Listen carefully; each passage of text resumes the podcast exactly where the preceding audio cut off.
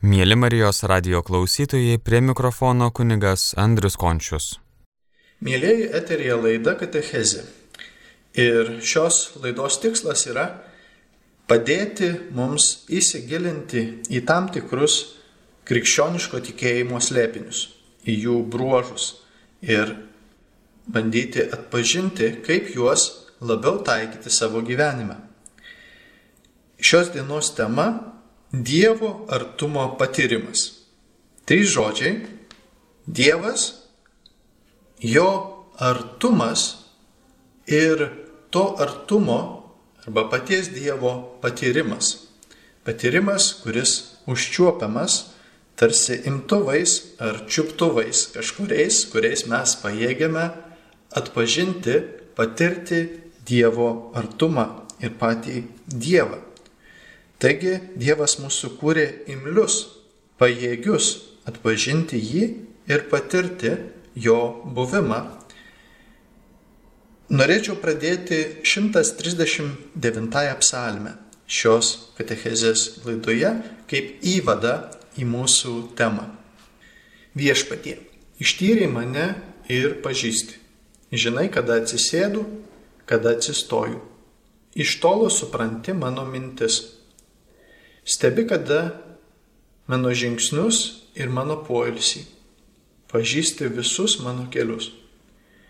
Nespėjus mano liežuviui žodį ištarti, tu viešpatyje jau jį žinai. Iš visų pusių apsiauti mane. Savo ranka lieti mane. Tavo pažinimas man per nuostabus, per gilus.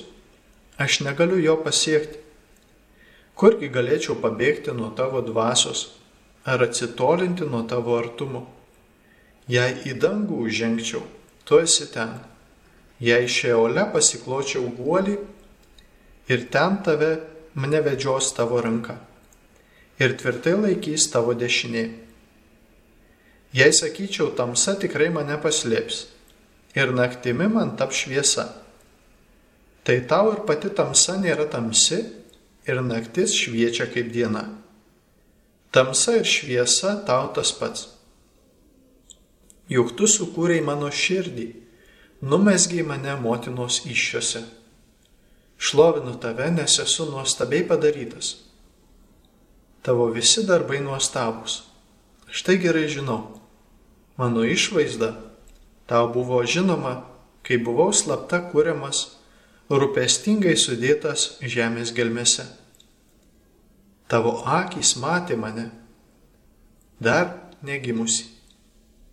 Į tavo knygą įrašytos visos man skirtos dienos, kai ne viena jų dar nebuvo prasidėjusi.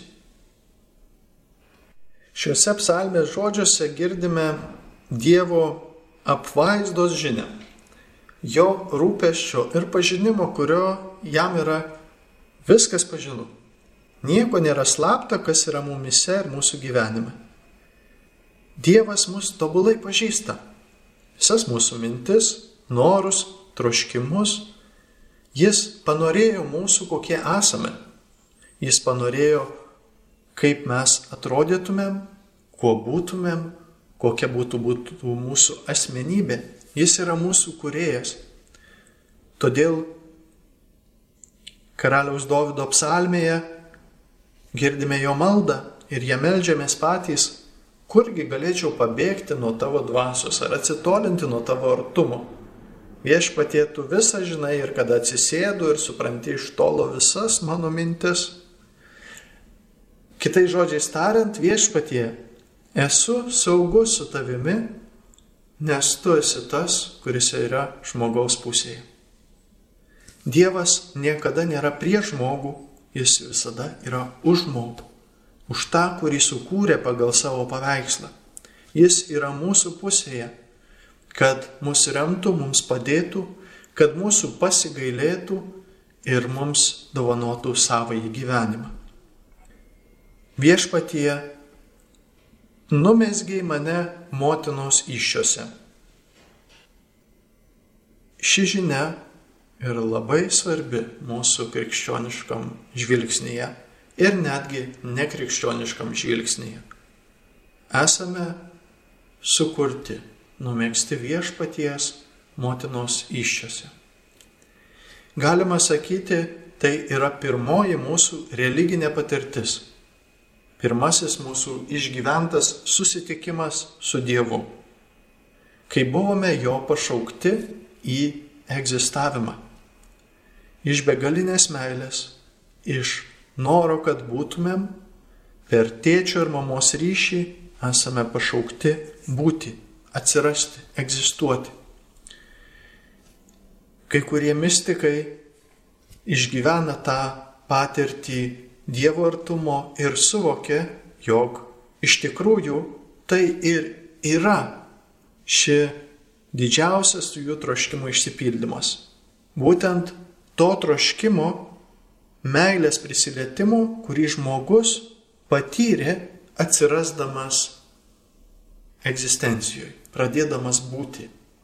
Kai Dievas įliejo jo sielą, sukūrė jo būti, jo dvasę kartu ir tame fizinėme jo būties atsiradime. Taigi esame išėję iš Dievo, jo sukurti ir prisimename pasąmoningai tą pirmąją akimirką, tą pirmąją meilę, iš kurios buvome sukurti. Ir jos elgimės per savo gyvenimą. Jos ieškome, bandome kažkuo užpildyti tą meilę, kurios esame padaryti. Dievu, kurio esame padaryti. Ir todėl Davidas šlovina jį, šlovina Dievą nes jis nuostabiai padarytas. Ir šių žodžių mums šiandien labai labai reikia. Mūsų gyvenime šlovinti šia, šios psalmės žodžiais turime Dievą labai drąsiai ir ryštingai ir galima sakyti pasipriešinant laikmečio tendencijoms. Šlovinu tave Dieve, nes esu nuostabiai padarytas. Ar galime šios žodžius pakartoti? šlovinu tave, nes esu nuostabiai padarytas. Nesu klaida. Nesu tas, kuris tarsi kažkaip atsiradau. Esu nuostabiai padarytas, norėtas ir esantis su priežastim ir su tikslu. Mano priežastis, mano kurėjas ir mano tikslas taip pat jis.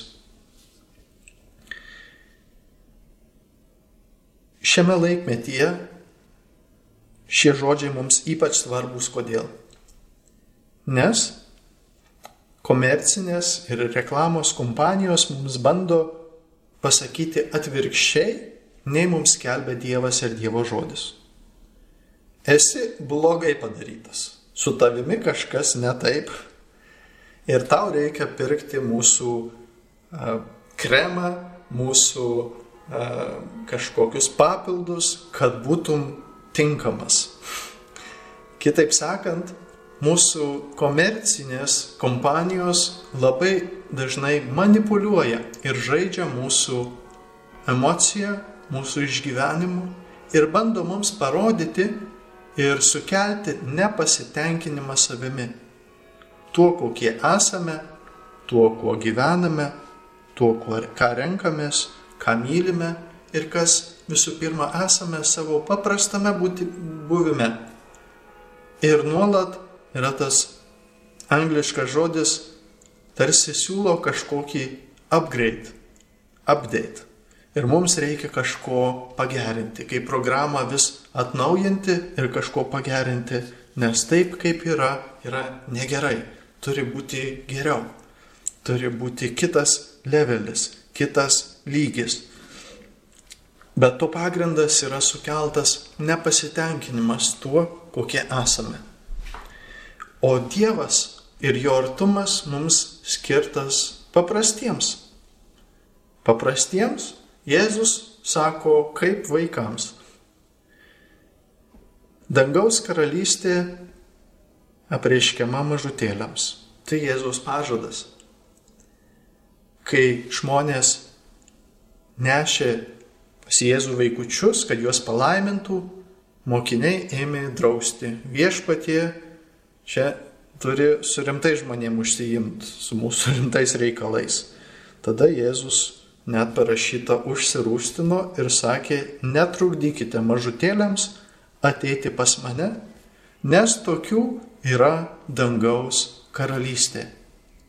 Tokių, kurie ateina pas mane, tokie kokie yra. Ne bandydami kažkuo įsiteikti, kažką pasiūlyti mainais, kažką pasiūlyti vietoj to, kas yra, bet štai ateina kaip mažutėliai. Ir todėl, kalbant apie Dievą ir jo artumo patyrimą, mums svarbu suprasti, kas esame ir dar labai svarbu suprasti, kad esame padaryti tinkami būti santykėje su juo. Patys savyje, savo kūrinyje ir sukūrime esame sukurti tinkami būti ryšyje su juo.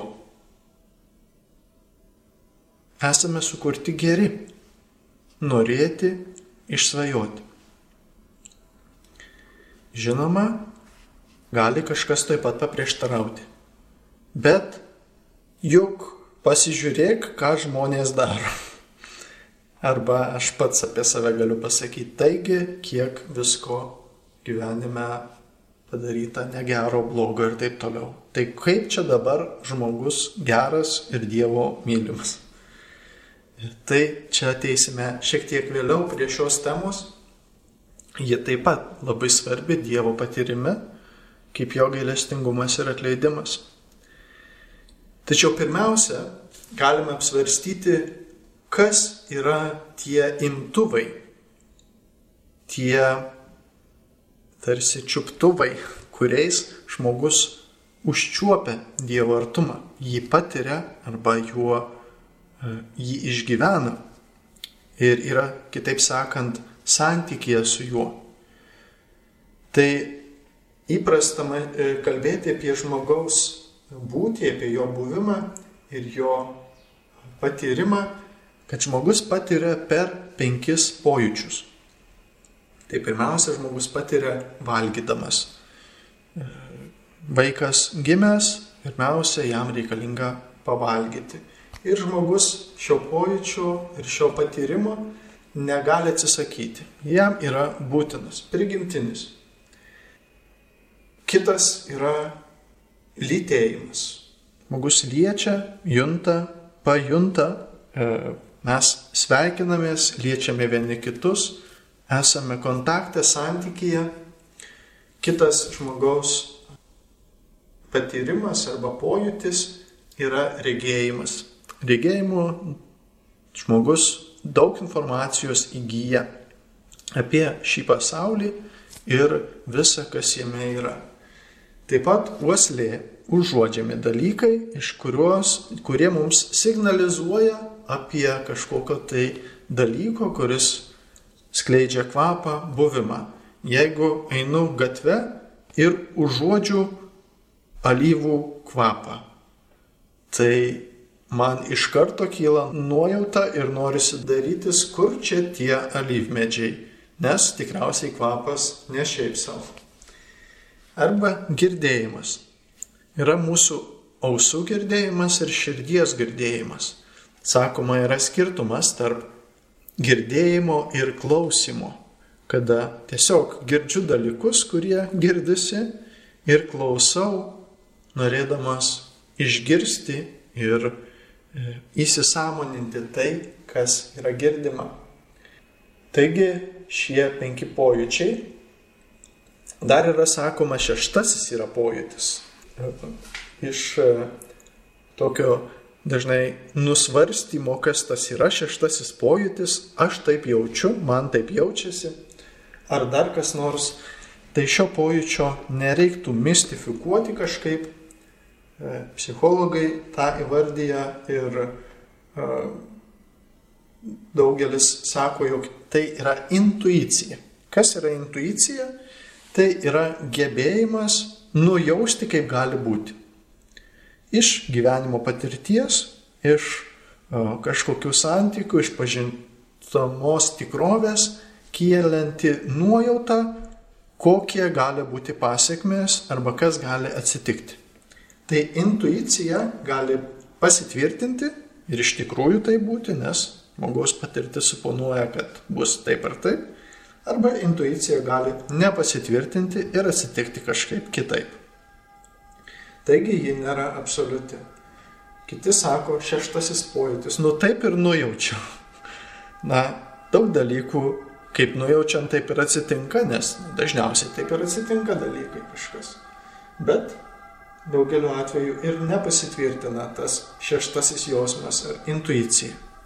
Tai čia kalbame apie pojūčius, kuriuos nelipam į jokią dar religinę sferą arba Dievo patyrimą. Tai yra žmogiškieji pojūčiai, kuriais žmogus užčiuopia, pajunta dalykus. Ir, ir šie pojūčiai susiję ir su žmogaus poreikiais, kuriuos jis turi. Dievo žodis sako, kad žmogui būti patenkintų užtenka trijų dalykų fizinė prasme turėdami stogą virš galvos, pavalgyti ir kuo apsirengti, būkite patenkinti. Stogas, apsirengti ir pavalgyti.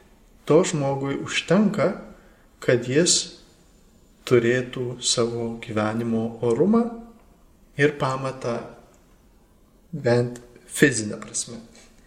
Toliau yra psichologiniai.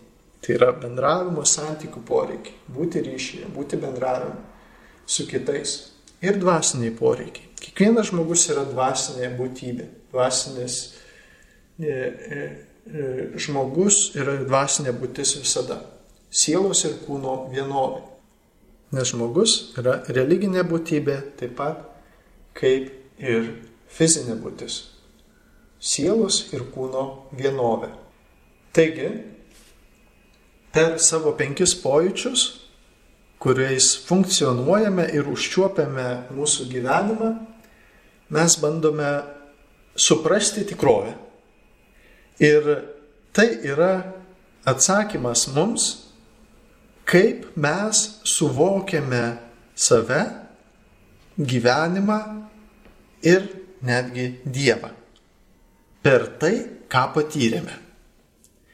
Mėlyjeji, ar kada nors pamastėte, kad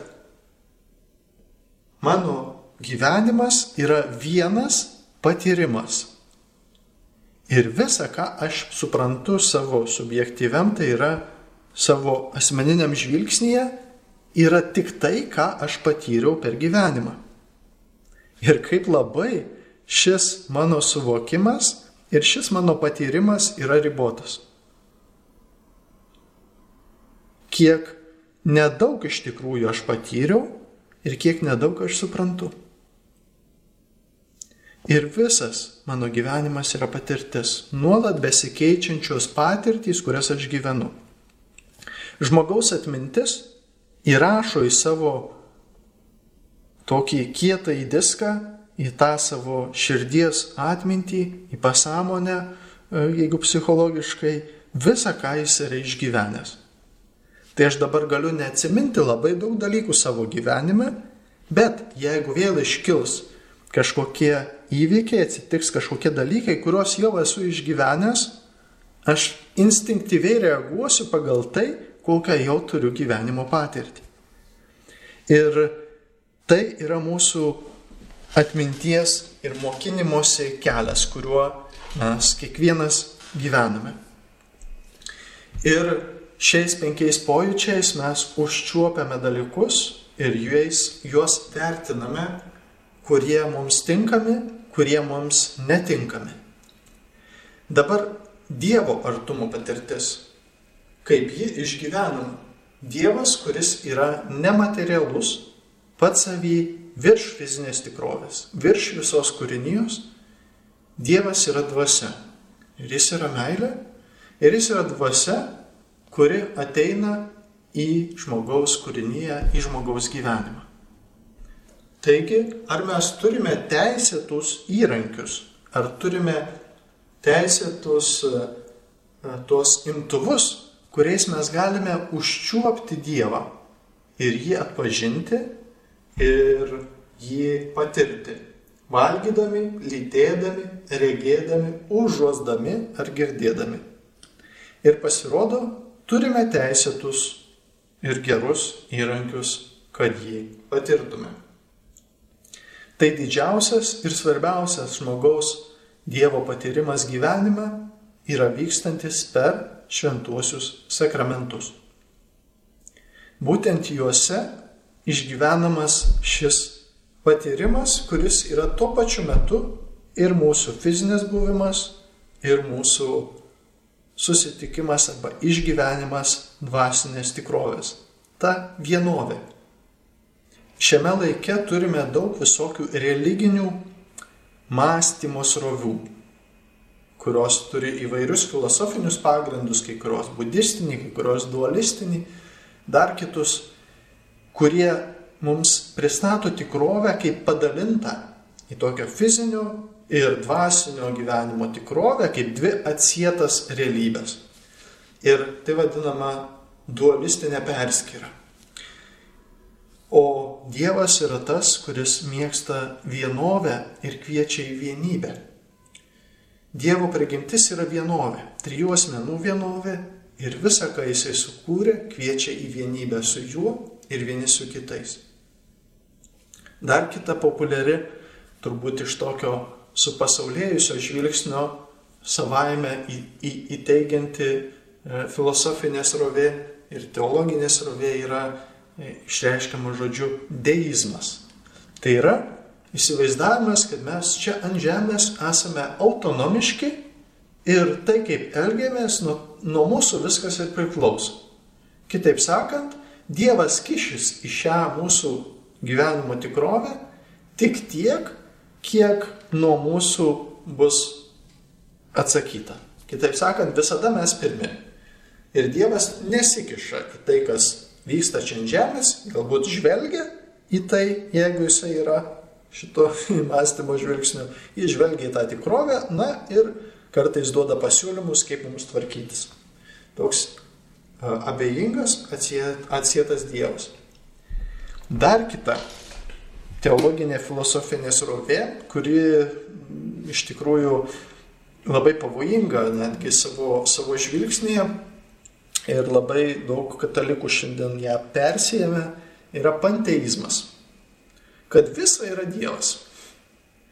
Ir tas medis yra Dievas, ir tas šalygatvis yra Dievas, ir aš esu Dievas, visa esame vieno Dievo dalelė. Dievas yra toks visa išskydęs visame esanti būtis. Ir čia nelieka susitikimo, nelieka jo kaip asmens, nelieka kaip kurėja. New Age'as tuo labai žaidžia panteizmo ideologiją šiame laike.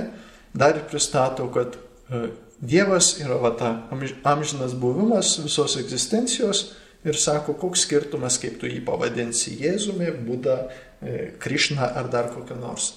Iš tikrųjų, tai yra na, tokia me, didelė melo, melo mechanizmas, kuris realiai apiplėšia iš tikrojo Dievo pažinimo. Artimiausias e, krikščioniui turbūt būtų šitoje vietoje panenteizmas. Tai yra tas, kad Dievas su viskuo, ką sukūrė, yra kartu ir visuose dalykuose jis savojų buvimu, visą palaiko savojų buvimu ir prie visko liečiasi, kaip salmė sako, tavo ranka laiko mane, kad mes esame Dievo rankoje, jo rūpestyje, jo priežiūroje. Taigi šitame, šitose surovėse, kuriuose esame, susitinkame sakramentus, kurie yra tos Dievo tikrovės įsteigti ženklai mūsų tarpe. Didžiausia dovana, kokią turime šiame gyvenime, yra šventieji sakramentai, kuriais Dievas mus apdovanoja. Kas yra sakramentas? Tai visų pirma, kalbant apie sakramentą, turime kalbėti apie patį Kristų kaip sakramentą. Sakramentas yra regimas ženklas, kuriuo, per kurį sutinkame ir išgyvename neregimąją Dievo tikrovę. Ir pats Kristus įsikūnijęs, žmogumi tapęs Dievas, Dievo sūnus, yra pats savyje sakramentas. Jeigu gyventumėm Jėzaus laikais, kada jis gyveno Jeruzalėje ir būtų Jėzus, Marija ir Juozapas mūsų kaimynai, ir mes auktumėm su juo, būtumėm žaidę kieme, bendravę visų kuo, būtume matę, jog tai yra žmogus kaip kiekvienas iš mūsų. Nenuostabu, kad kai Jėzus grįžo į Nazaretą, jau liudydamas gerąją Dievo naujieną, skeldamas Evangeliją mūsų išganimui, ko ir atėjo čia į žemę mūsų susigražinti savo ir Dievui, išgelbėti iš nuodėmės ir blogio. Taigi Dievas, kuris įsikūnijo ir tapo tikrų žmogumi. Ir nenustabu, kad namiškiai, giminaičiai ir visi kiti sakė, kas tau pasidarė, ar iš proto išsikraustai, kad tu čia dabar jau kažkoks kitoks mūsų tarpe. Ir štai sakramentas. Labai paprastas, labai žemiškas ženklas, žmogiškas ir kartu jame yra Dievo pilnatvė. Tai labiausiai bažnyčioje šitai regima yra šventosios Euharistijos sakramente. Duonos, kuria Dievas tampa. Jėzus sakė, aš esu duona nužengusi iš dangaus. Kas valgys šią duoną, gyvens per amžius. Taip pat ir pandemijos laiku mums e, sudėtinga yra, kada negalime dalyvauti šventosiuose mišiuose, per kurias viešpas dovanoja save kaip duona iš aukštybių. Tačiau yra galimybė kiekvienam, kad ir kasdien, nueiti į parapiją ir paprašyti šventosios komunijos, išgyventi šią vienybę. Taigi šventasis sakramentas yra Dievo ženklas regimasis, kuriuo patiriame neregimąją jo tikrovę, vienybę su juo. Tai pirminis, aišku, yra krikštas, tada visi kiti sutvirtinimas ir santoka ir visi kiti ženklai, per kuriuos mes išgyvename tą dviejopą jo tikrovę ir pašventinimą. Tai yra padarimą mūsų Dievo šventumo dalininkais. Ir visoje šitoje ryšio su Dievu dinamikoje sakramentuose, regimuose ženkluose visada išlieka neregimas santykis su Dievu kiekvieno asmeniškai. Aš ir tu, Dieve. Teisingiau, Dieve, tu ir aš. Būtent Davido psalmės žodžiais, kad tu pažįsti mane ir ištyriai, tu globoji mane, tu vedi mane savo dvasia. Tavo dvasia yra mano širdyje esu tavo apglėptas ir vedamas. Jeigu suklumpu, esu tavo padedamas, kad atsikelčiau kaip geras tėtis ar mama, vaikas per puolę, pribėga, padeda atsikelti, palaiko, žengiam į priekį, drąsos, nenusimenam, mokinamės vaikščioti. Taigi mes mokinamės vaikščioti šiame gyvenime, Dievas yra mūsų pusėje, kad mums padėtų ir mes keliaujame į amžiną draugystę su juo. Ir šalia sakramentų patirties ir šio ryšio su juo patirties yra vadinama mistinė patirtis. Karlas Raneris, ta jo žymioji frazė, ateities krikščionis bus mystikas arba jis nebus krikščionis. Taigi esame Dievo kviečiami būti mystikais. Tai nereiškia, kad mystikas tai aš būsiu kažkoks e, regėtojas, kuris ten mato visokius dalykus, kurių niekas kitas nemato, bet kad gyvensiu tame gyvame santykėje su Dievu ir jo ieškosiu. Turėjau tokią malonę iš Dievo čia perėtą dieną, jo kvietimą, jo šviesą atpažinti maldos ryšyje su juo naują laikyseną, kuri nebuvo nauja, kurio jau laiks nuo laiko gyvendavau, e, bet tarsi atnaujinimą, kurią jisai suteikia. Kai melžiamės ir ieškome santykio su Dievu, dažniausiai esame ir aš pats esu prašytojas. Ir e, kartais esu reikalautojas iš Dievo. Kartais esu, kaip aš sakau, aiškinu Dievui, ką jam reikia padaryti, nes jam nelabai, nu, dar aišku. Tai aš jam pasakau, primenu, ką jam reikia padaryti, ką suteikti, ką ir taip toliau. Taigi, ta malonė, kurią gavau, naujas kvietimas maldai. Ateiti į maldą be savo reikalų ir be savo poreikių, be savo norų, be savo planų. Taip kaip pranašas, berots Ezekielis. Štai aš viešpatie. Aš esu tau, dėl tavęs, dėl tavo planų, dėl tavo norų, dėl tavo troškimų, kurie yra amžini meilės planai ir troškimai. Noriu tau priklausyti, tau atsiliepti, tau tarnauti, būti tavo reikaluose kad mano malda netaptų magiška. Kas yra magiška malda? Tai yra mąstymas, kad aš pasimelsiu arba viena ar kita ar trečia maldos forma ir todėl, kad aš pasimeldžiau, Dievas padarys.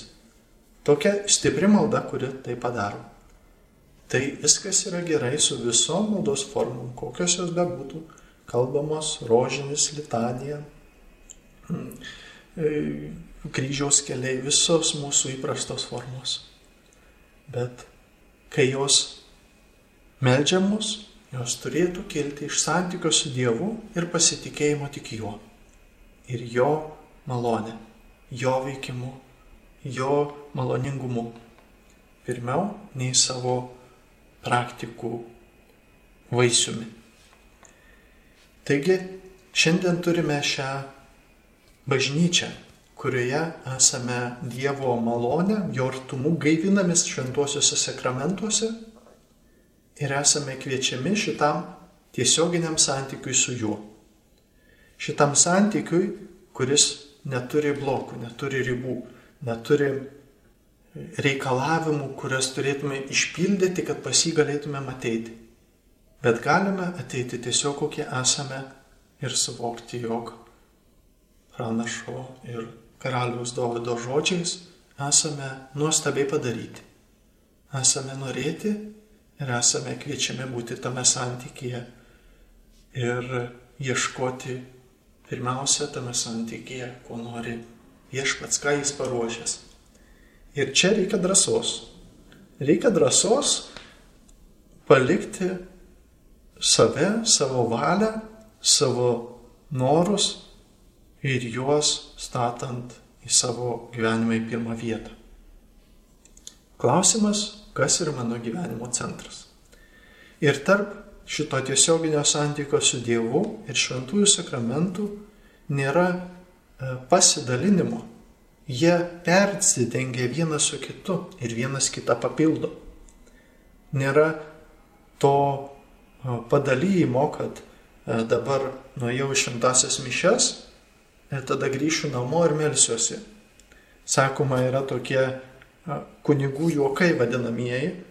Kunigas grįžta po šventųjų mišių, atlaikęs mišes į Zakristiją ir atsikvėpia ir sako, na, vad, atlaikiau mišes, dabar galiu eiti pasimelsti.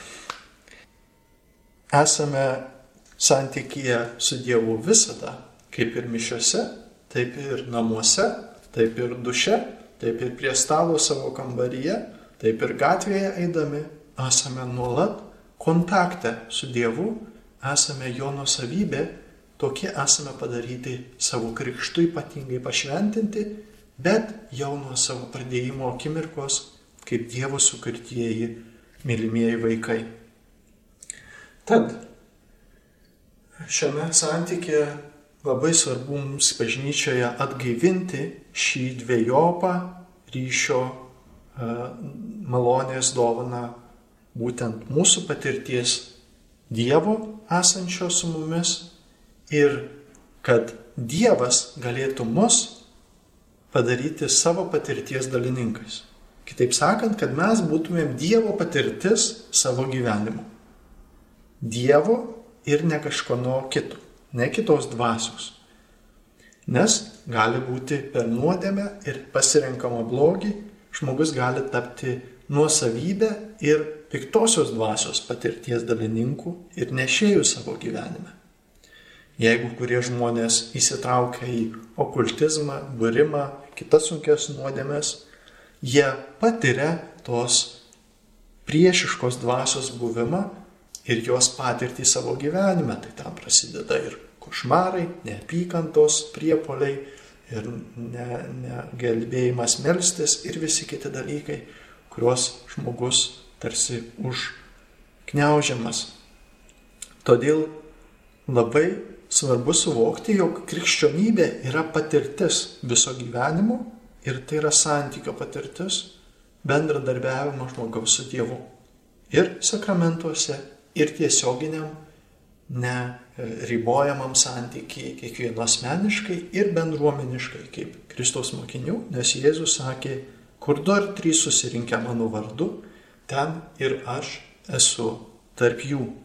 Ir vis tik, kai žmogus nupuola, suklysta, Dievas ieško žmogaus, pats pirmas mėgindamas paraginti, padrasinti, kad atrasti jo gailestingumą, kad sutikti su jo su juo, kuris nori mums atleisti ir nori mūsų pasigailėti.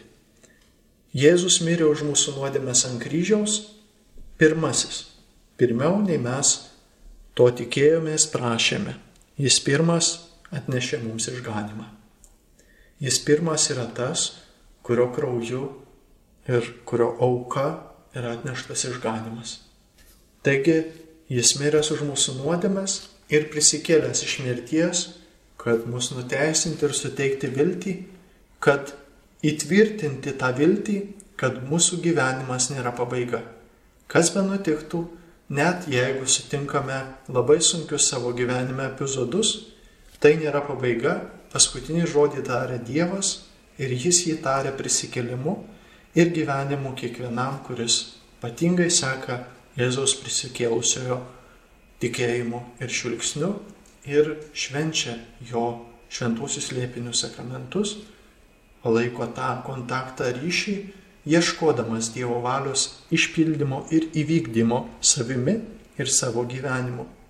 Vyks, vyksta žmog, krikščionio gyvenime tas dviejopas slėpinys - Kristaus kryžiaus slėpinys ir jo prisikelimo. Mes dalyvaujame Kristaus kryžiaus slėpinyje ir jo prisikelimo slėpinyje. Ir kalbant apie mistinę teologiją, na, pažįsta būtent šios du aspektus. Dievas yra mūsų gydantis, mūsų guodžiantis ir mūsų atgaivinantis savo malonę ir meilę. Kai Jėzus vaikščiojo visus pailių ligonius gydė, jiems teikė savo pagalbą, išgydymą ir taip pat kalbėdavo apie ryštingumą ir mokėjimą įveikti save savo sunkume ir netgi kančioje. Priimti kančią ir netgi sunkumus kaip dalį, kuri mus ugdo ir augina Dieve. Imkite savo kryžių ir sėkite paskui mane, kur aš esu, ten bus ir mano tarnas. Taigi mūsų vienybė su nukryžiuotoju ir dalyvavimas jo kentėjimuose. Ir tai yra slėpinys, kodėl kartai žmogus turi patirti vieną ar kitą negandą, sunkumą ir dažniausiai tuos vaisius pamatoma tik po viskam praėjus. Didžiausias vaisius, aišku, kyla iš paties viešpaties aukos, iš jo dalyvavimo mūsų sunkumuose, mūsų kentėjimuose, už mūsų pačių klaidas, kurias viešpats atpirko ir mus prikelia gyvenimui su juo. Taigi viešpats yra tas, kuris ieško mūsų kad mūsų pasigailėtų ir mums suteiktų išganimą ir sustiprinimą mūsų varguose, įdant būtumėm jo vaikai. ir šiame tiesioginėme santykyje, ir sakramentų pašventintame santykyje. Šiandien bažnyčioje e, turime tos vadinamosios labai daug palikimo e, tradicinės, tradicinio praktikavimo krikščionybės ir katalikybės, kada žmogus, ne žmogus tiki iš savo patirties. Visa, ką išgyveno kiekvienas žmogus savo gyvenime, Tai yra jo patirtis. Ir jis tik iš šios patirties e, žvilgsnio gali suprasti, kas jam kalbama. Ir todėl Dievo artumų patirtis žmogui yra būtina pirmiausia, kad jis suprastų, kas yra Dievas. Kitaip sakant, tik išgyvenęs jo artumą gali suprasti, kad jis yra. Dievo artumo patirtis, kuri išgyvenama, užčiuopiama, suprantant, e, išgirstant savyje, kad man Dievas nori kažką pasakyti, valgant Dievą Euharistijoje, prisiliečiant prie Jo, e, tarnaujant kitiems žmonėms, regint e, jį Euharistijoje arba kitame žmoguje, arba atpažįstant jo ženklus, kuriuos jis mus apšviečia suprasti mūsų gyvenimo aplinkoje. Visi šitie momentai mus įgalina tam buvimui santykyje, kuris būtų patirimas Dievo artumo. Todėl šiame ir pandemijos laike, ir su savo žingsniavimu, kurį turime savo asmeninėme gyvenime, galime su pilnu pasitikėjimu atsiduoti Dievui ir ištarti tą didelį taip. Dieve, štai aš te būsiu tavo pranašas. Tai yra tave nešantis savo gyvenimu ir te būsiu tavo rankose. Taip, kad tavo patirtis, tavo artumas būtų mano gyvenimo dalis ir kad aš būčiau Dieve tavo gyvenimo dalis. Į tai mus pakvietė popiežius Pranciškus savo enciklikoje apie šventumą. Ten jis pasakė, labai gerai, kad mes atpažįstame šiame laikmetyje Dievo artumą žmogui ir jo buvimą su mumis nuolat. Ir taip pat yra labai svarbu užduoti šį klausimą, kad Dievas yra manyje ir daug svarbesnis mums klausimas, kad kaip aš esu jame. Ir pabaigti šią katechezę norėčiau 16 psalmės žodžiais. Apsaugok mane Dieve, pas tave ieškau užuovėjos. Sakau viešpačiui, tu mano viešpas, tik tu visa mano laimė. Kokie šaunus ištikimieji viešpatie žmonės. Būti su jais man didžiausias malonumas. Kas kuva pas kitus dievus, tas daugina savo skausmus. Kraujo liejamo atnašų jiems neaukosiu, ne jų vardų savo lūpomis netarsiu Viešpatie tu man skirtoji dalis ir taurė manoji, mano likimas tavo rankose. Tad mano matavimo virvė krito puikioje vietoje ir iš tikrųjų nuostabus mano paveldas, kadangi viešpats man sako ir mane moko, aš jį išlovinsiu. Net naktį man širdis tai primena. Nuolatos menu viešpatie, ar tu matavo, Jam esant mano dešinėje niekada nedrebėsiu. Todėl linksma mano širdis, džiugauja visa mano gyvastis ir ramiai ilsisi mano kūnas. Juk nepaliksi mane šiaului, neleisi savo teisėjam matyti kapo. Tu parodysi man taką, kuris veda į gyvenimą, tavo artume džiaugsmo pilnatvė, tavo dešinėje amžina linksmybė. Garbė Jėzui Kristui. Mėlyjeji, su jumis šioje katechezės laidoje buvo kunigas Andrius Končius. Likite su Marijos radiju.